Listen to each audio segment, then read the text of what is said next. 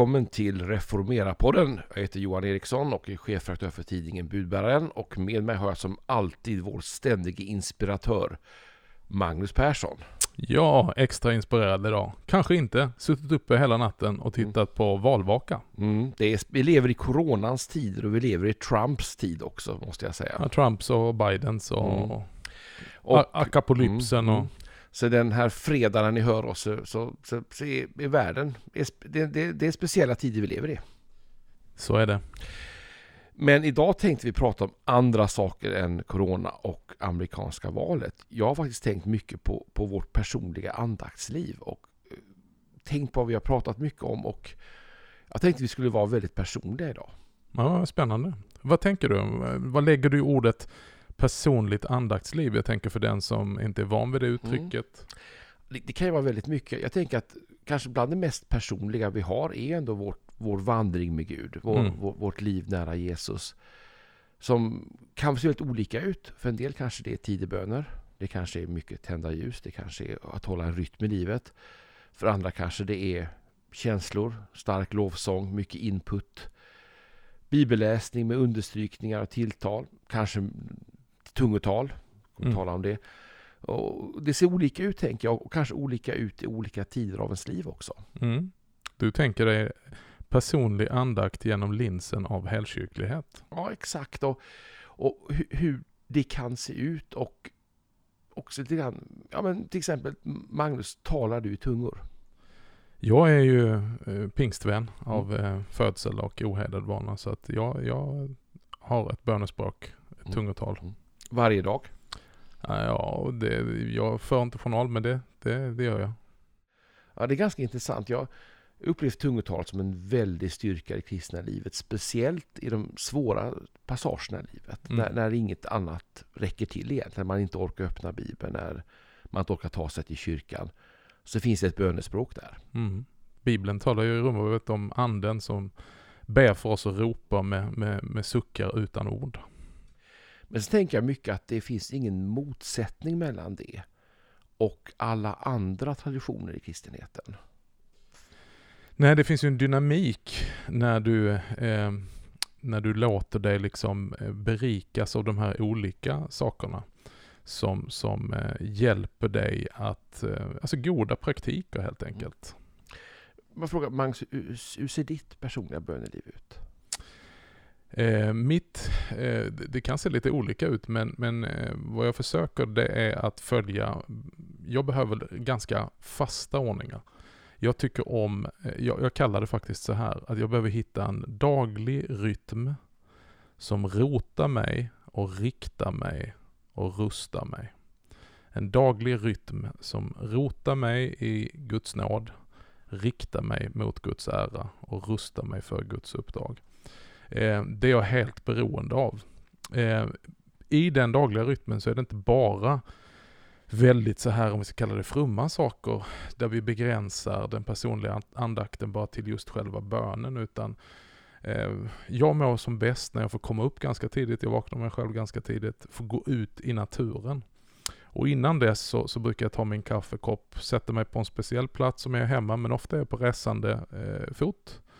Och, och, då är det faktiskt så att då har, jag, då har jag på min dator öppnat och så har jag en bild som, som lite grann, ja, var jag än är så blir det en fast punkt. Och då eh, kör jag en kombination av tidebön, en bibelläsningsplan och fribön. Mm. Och det hjälper mig att hålla, mig, hålla liksom ett spår. Jag behöver de här ledstängerna lite grann. Mm. Ja, intressant. Men du har ingen tidebönsbok du följer? Jag har tidebön här. På, I, på, i, i, appen. Mm. Den är väldigt bra faktiskt. Mm. Och det finns ju tre olika där. Oj. Så de tre olika Eh, så man kan, när man har kört den ena ett tag så kan man byta om man, om man känner liksom att man får, de är hyfsat samma men. Mm. Jag ska väl erkänna att jag, jag fuskar ofta och läser bara Psaltarpsalmen. Nej men och det tycker jag bra, jag, jag, jag tänker så, jag tycker bra att du fuskar. Men jag känner så här att problemet är ju när vi blir idealister. Problemet blir ju när vi sätter fälleben på oss själva, därför vi spänner bågen något så våldsamt så det blir allt eller inget. Jag tror att många hamnar där. Det är ju fantastiskt om man bara kan be genom en psaltarpsalm varje morgon. B bara det är, tror jag grundlägger en, en god start. Mm. jag, jag tänker också, det finns mycket press på det. Har man gått bibelskola i något sammanhang så har man säkert lärt sig exakt hur man ska ta sig igenom dagens andaktsliv och, mm. och man har bibel, ambitiösa bibelläsningsplaner. Jag tror att många av oss upplever att det, det funkar inte alltid. Mm. Ut, utan ja. livet, hin, hin, li, livet kör över en helt enkelt. Mm.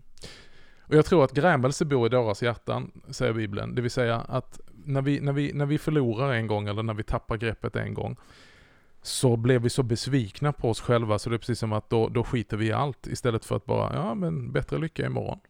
Att, att, att plocka upp det och, och det är ju inte så heller. Jag tycker ju om att starta dagen på det sättet, men jag vet också, jag har många kollegor och vänner som säger att nej men morgonen är ingen bra tid för mig. Utan jag, istället det jag gör på morgonen, det, det gör de sent på kvällen, när allting har lugnat sig och där liksom, eh, jag försöker också ha en sån stund på kvällen. Den kan bli väldigt kort ibland, det kan vara precis på sängkanten där jag liksom försöker bara, tack för dagen idag, tack för att du har varit med mig. Eh, lägga av mig saker. Eh, jag vill inte ta med mig i sängen saker och ting som har kanske berört mig illa, som rör sig i mitt sinne, så vet jag att jag, jag är i behov av min nattsömn. Och, och, därför har det blivit en liten sån här kort, det kan gå på en minut, säga att Herre, i dina händer anbefaller jag min ande. Eh, lite för att sätta namn på vissa saker säga att Gud, det, det, här orkar jag inte bära med mig. Jag behöver en, en god natts vila, så låt mig vila i frid. och och eh, eh, lämna, sätta namn på saker och överlämna dem i Guds händer så att han får bära det.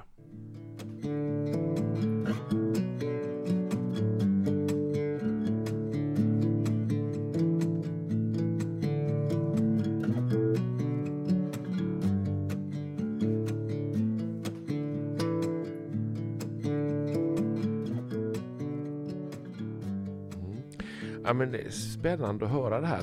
Jag tänker, Magnus, tar du tumversar ibland?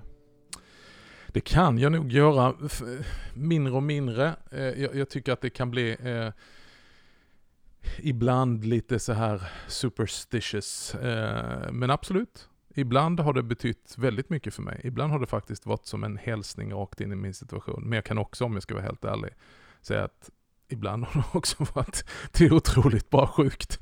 Alltså det blir lite, det är inte riktigt så vi kan, när vi förhåller oss till Bibeln som någon sorts magisk bok va. Eh, utan jag får nog mer ut av att faktiskt läsa Bibeln i sitt sammanhang, läsa de olika texterna i sitt sammanhang. Jag tycker om att Eh, jag, därför så följer jag inte en sån här bibelläsningsplan som du läser ett kapitel i gamla testamentet, ett kapitel i nya testamentet, ett kapitel i psaltarna, alltså du blir helt förvirrad. Det är inte så vi läser, så skulle du aldrig läsa en, en, en deckare. Ja, jag, ska, jag ska läsa nu ska jag läsa lite från första kapitlet och sen ska jag läsa lite från åttonde kapitlet, utan du läser den i sitt sammanhang, i sin kontext. Så därför, i min bibelläsningsplan så följer jag ofta där man läser brev för brev, det vill säga att jag kanske kan vara, eh, som just nu då, så läser jag Johannes evangeliet och eh, då är man ju det ganska länge. Men det hjälper att du borrar ner liksom och helt plötsligt så, så går du tillbaka. Jag är också en sån som, jag antecknar i min bibel, jag stryker under och ibland så läser jag inte ens ut den här avsedda mängden utan jag stannar vid en vers som riktigt talar till mig och så är jag lite nörd, så att är jag på hemmaplan så kan jag liksom ta och börja slå upp andra böcker och säga, men vad säger det här egentligen? Vad är den grekiska texten för detta och vad finns det för någon kommentar? Och så kan det bli, eh, ja. Så det, det, det, är väldigt, alltså det finns en ram eh, som gör att när jag inte har någon inspiration, inte något eget driv, så bär det mig. Men den ramen är inte någon begränsning, utan också full frihet att flöda ut. Och att det det kan bli väldigt inspirerande och det kan, eh, det kan liksom av ren lust och, och ett skeende i bönen eh, hålla på ett tag. Men långt ifrån alltid. Och då, är det, då, då tjänar man på att ha de här ramarna, de här rytmen, det här formatet som bara bär. Man, man lite gör det, förstår man rätt när jag säger man bär hellre än bra. Eh, och jag tänker så här att jag är inte av naturen en bra bedjare så därför behöver jag all hjälp jag kan få. Mm. Jag känner igen mig där med tumverser speciellt. Jag, jag tillhör dem som ibland tagit mycket tumverser. En period hamnar jag alltid i klagovisorna. Mm. De ligger nog i mitten och är väldigt svåra ord. Så jag, det uppmuntrar till att läsa hel, hela, hela, hela stycken. Det är intressant också med att studera Bibeln, för jag känner igen mig också som lekman då, att man kan nörda ner sig, man kan få tag i ett brev mm. eller en bibelbok och så tänker man vad handlar det om? Så att jag åkte faktiskt och köpte den här gamla studiebibeln i fem band med, med grekiska mm. texten i, så att mm. jag som lekman då bara kunde kolla upp vissa ord, för jag tänkte jag måste veta vad det står där egentligen. Jag kan inte hålla på och ringa alla utbildade teologkompisar mitt i natten tiden och fråga. Mm. Men vad, vad säger du själv då? Vad, vad är dina viktigaste lärdomar, tips från det personliga andaktslivet? Jag tror att det handlar om att inte ha det här kravet på sig, att inte komma in i fördömelse eller att man känner att man inte... Utan det, det viktiga är att, man, att Gud är där, Herren är med en, vända sig till honom i tid och otid. Jag tänker att ja, man, man kan tala i tungor, när, oavsett hur det känns, var man är. Bilen är ett bra tillfälle. Man kan mm. be högt i bilen också. Man kan ropa och skrika. Ibland vänder sig folk vid rödljuset och tittar vad som händer i bilen. Undrar om du skriker på dem eller vem man skriker ja, på? Bett, bett för högt känner jag. Så, oj, oj men, men, också att, att, faktiskt följa rytmen i livet. Och för mig är det faktiskt två saker. Att det, det varierar. Det, det, det blir väldigt ambitiöst ibland. Och det finns tider då man kan lägga mycket tid i andakten och framförallt bibelläsningen. Men i andra tider så som sagt, kommer livet över en och då har jag tänkt att det är två saker framförallt som jag, det är tungotalet som alltid finns där oavsett var man är. Man, och faktiskt att, att söka sig till mässan. Mm. Att hitta en, en, en, en, en gudstjänst, en mässa mm. med, med, med nattvard. Att man får komma in i den oavsett egentligen eh, sammanhang i kyrkan. Det kan vara väldigt högkyrkligt, det kan vara väldigt mycket tända ljus och kan vara mycket lovsång. Men att få, få dela vinet och brödet och Herrens närvaro oavsett känsloläge, oavsett. Mm. Och det upplevs som en väldig styrka. Och att det finns en konkret, när man är nära Herren så möter han det och det finns en konkret, vad ska man säga, om vi närmar oss Gud så närmar han sig oss. Mm. Ja, jag tänker att det, det, det, ingår i den här rytmen som jag talar om som rotar, riktar och rustar oss. Det är ju att regelbundet också inte bara låta det stå eller falla med sitt egna andaktsliv, utan vi behöver ju också varandras hjälp. Eh, jag har uppskattat de möjligheterna jag har haft när jag har kunnat dela lunchbön med andra. Jag uppskattar det väldigt mycket. Det blir liksom någon form av tecken, någon form av påminnelse när vi stannar upp. För vi har alltid mycket att göra. Alltid mycket att göra. Och det som är lättast att prioritera bort, det är bönen.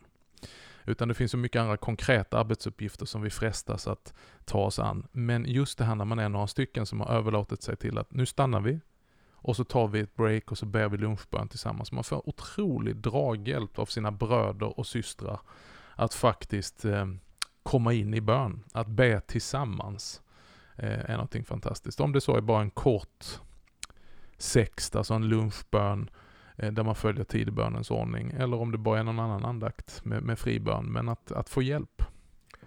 Ja, jag, jag, håller helt med. Jag tänker också i en ännu mindre skala att att ta de här chanserna och be med familjen. Att, mm. att be vid matbordet, be Precis. bordsbön. Kanske göra det till en liten utökad bön om behovet finns där. Mm. Att be kvällsbön mm. med familj och barn. Ta den stunden, även om det blir en kort stund, en enkel bön, att ändå ge Herren den tiden. Mm. Och också öppna upp för att om det finns ett större behov, det finns en längtan, så kan man utöka de här små stunderna. Mm ett, ett vittnesbörd är ju att jag och min fru, eh, när jag var pastor i frikyrkan förr i tiden så var, satt vi på många konferenser och fick fördömelse. För att då talar man så här att eh, ja, det viktigaste är att om du är pastor så måste du och din respektive, ni måste kunna be ihop. Och vi kände liksom att ja, men vi är lite dåliga på det. Och när vi då bad de här, liksom, vi skulle komma och skulle sätta oss ner tillsammans och be så, så märkte vi båda att vi blev lite nästan irriterade på varandra i bön. Att det var väldigt vad han ber länge, det var väldigt vad hon ber och ibland så skulle man tolka in, försöker hon säga någonting till mig nu genom sina böner? Etc. Och så vi la ner det där projektet, men samtidigt kände att, ja men längtade efter hur kan vi faktiskt dela ett gemensamt andaktsliv? Där blev tidebönerna en fantastisk hjälp för oss. Att kunna sätta sig ner, tända ett ljus på, mitt i, i, i liksom vardagen och be tillsammans. Eh, och, och, då får du liksom en hjälp som bär dig fram inför tronen. Det var otroligt fint.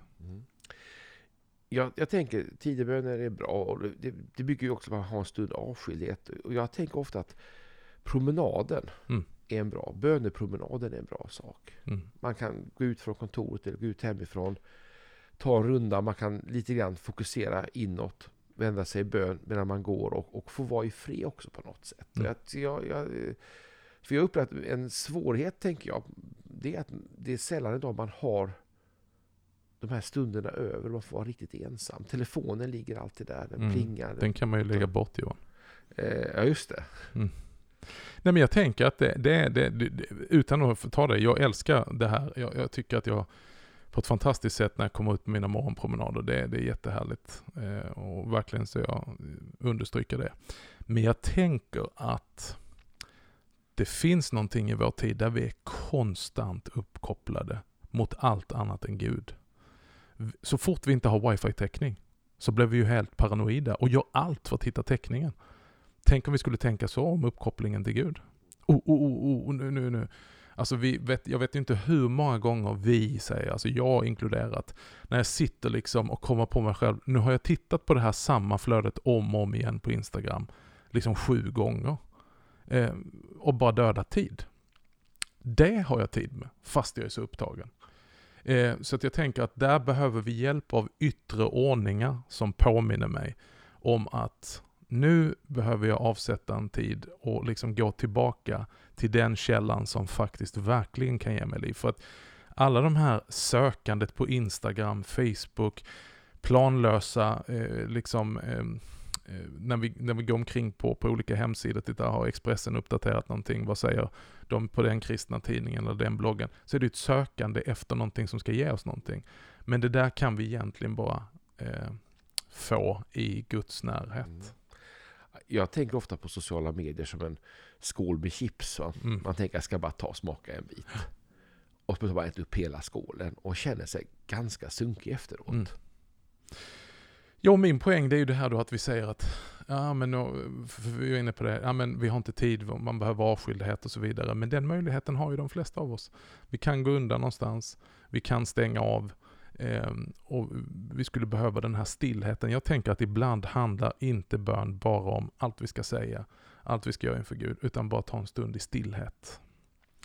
Eh, ibland handlar det inte heller om att läsa så otroligt många kapitel, utan tänk om vi bara skulle stanna upp varje dag vid de texterna vi hörde på söndagens gudstjänst eller mässa och liksom borra oss djupare i dem, meditera över dem och eh, ja, egentligen tränga in djupare i dem.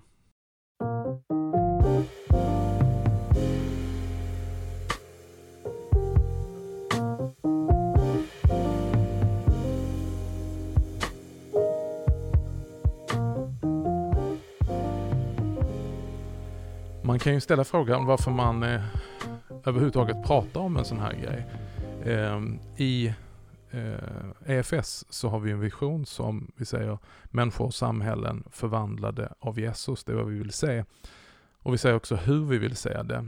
Eh, I vårt uppdrag det är att vi vill forma kristna gemenskaper som hjälper oss att växa i lärjungaskap och leva mission. Och idag har jag suttit i ett möte där vi har talat just om den här termen växa i lärjungaskap. Vad betyder det? Och jag tänkte lite för mig själv, är det inte kallelsen att för det första vara med Jesus? Inte bara arbeta för Jesus, inte bara göra någonting för Jesus, utan att vara med Jesus. Han har kallat oss till gemenskap med sig själv och att där lära känna Jesus, det är ju grunden för vår tro.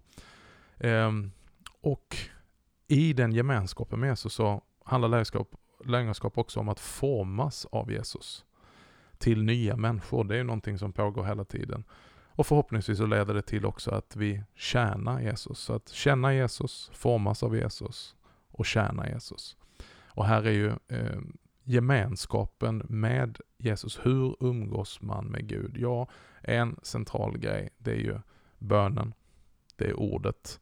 Eh, I Apostlagärningarna, eh, som vi citerade i ett samtal vi hade här innan, så sa vi att de första troende höll fast, ständigt höll fast vid undervisningen, bönerna, brödsbrytelsen och gemenskapen. Men jag tänker, precis som du säger, att det, det är den tid man ger en person som avgör hur stort inflytande den får i ens liv. Och det är som en ekvation lite grann, tänker jag. Att ju, ju mer tid du ger Gud i ditt liv, desto mer kan han också forma dig. Det är lite så, det du, allt vi fokuserar växer på gott och ont. Va?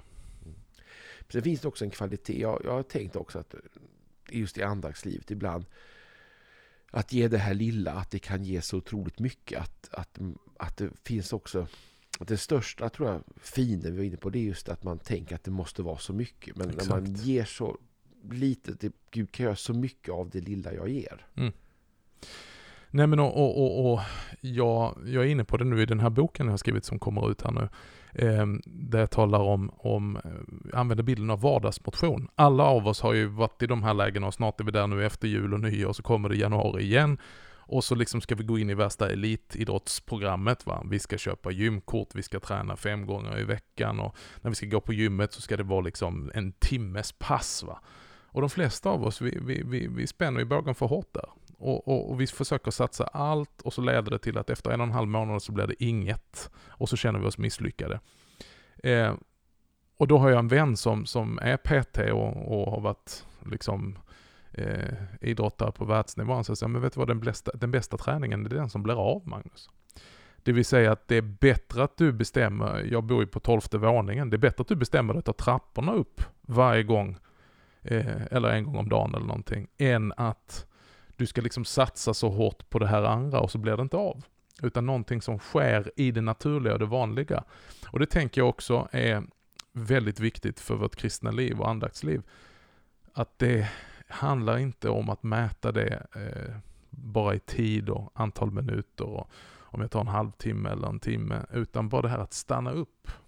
Och eh, den bästa andakten, det är den som blir av. Mm. mm. Det är intressant också vad, vad, vad externa saker kan hjälpa För jag, jag tänker också på ta motionsspåret här nu att, att få det att bli av. Och jag är lite klocknörd och jag har alltid vänt mig mot det här med smartwatches. Mm. Men jag har ju då en klocka på mig som visar hur många steg jag tar och min puls och allt det där. Jag har gått 1717 steg idag och det är alldeles för lite. Den triggar faktiskt mig nu att gå ut och gå så jag når mitt mål att minst ha gått 5000 steg per dygn. Mm. Eh, så ibland behöver den där positiva uppmuntran. Kanske man behöver ta en klocka som, som sa att du, har, du mm. behöver en tidig bön här nu. Mm. Och det, det, kan man ju ha. Jag har det här, du har reagerat ibland när du hör kyrkklockorna här från min telefon. Eh, det är ju ett larm jag har inställt som du kopplar till tidebönerna i tidebönsappen. Så kan du bara ställa in när vill du be din morgonbön, din lunchbön och din kvällsbön eller vilka böner du nu vill be. Och så kan du ställa in larm. Och så helt plötsligt så, boom, sätter den. Och även om jag helt ärligt kan säga att det är inte alltid jag bara stannar allt jag gör och så helt plötsligt eh, ber, så är det ändå en liten sån här påminnelse som kommer. En annan grej som jag trodde du först skulle säga innan du talade om din pulsklocka, det var ju det här när man är ute och går och går en slinga. När jag går mina morgonpromenader så är jag ofta beroende av att gå liksom en runda som jag vet ungefär hur lång den är och vart den går så att jag inte behöver ta massa, alltså jag bara följer vägen liksom upptrampade spår och eh, då behöver jag inte tänka hela tiden, ja ska jag fortsätta nu, ska jag gå lite längre, ska jag vända, utan man, man, man vet, det är den här slingan jag går. Och därför tänker jag att ibland så är det underskattat vad det här som vi ibland kan uppleva som mekaniskt, som rutin, att oh, ja, men det är inte värt någonting om det inte alltid är väldigt levande och så vidare, utan vissa saker, de, de, de, de gör någonting med oss, även om vi bara gör dem. Jag tänker, vi borstar tänderna varje morgon. Hur ofta kommer vi ihåg? Hur ofta är det en fantastisk upplevelse? Hur ofta är det, kommer du ihåg varje gång du borstar tänderna? Nej, ibland kommer inte du, du bara gör det på autopilot. Varje frukost du har käkat är inte en gourmetmåltid som kommer med någon sorts Michelin-guide.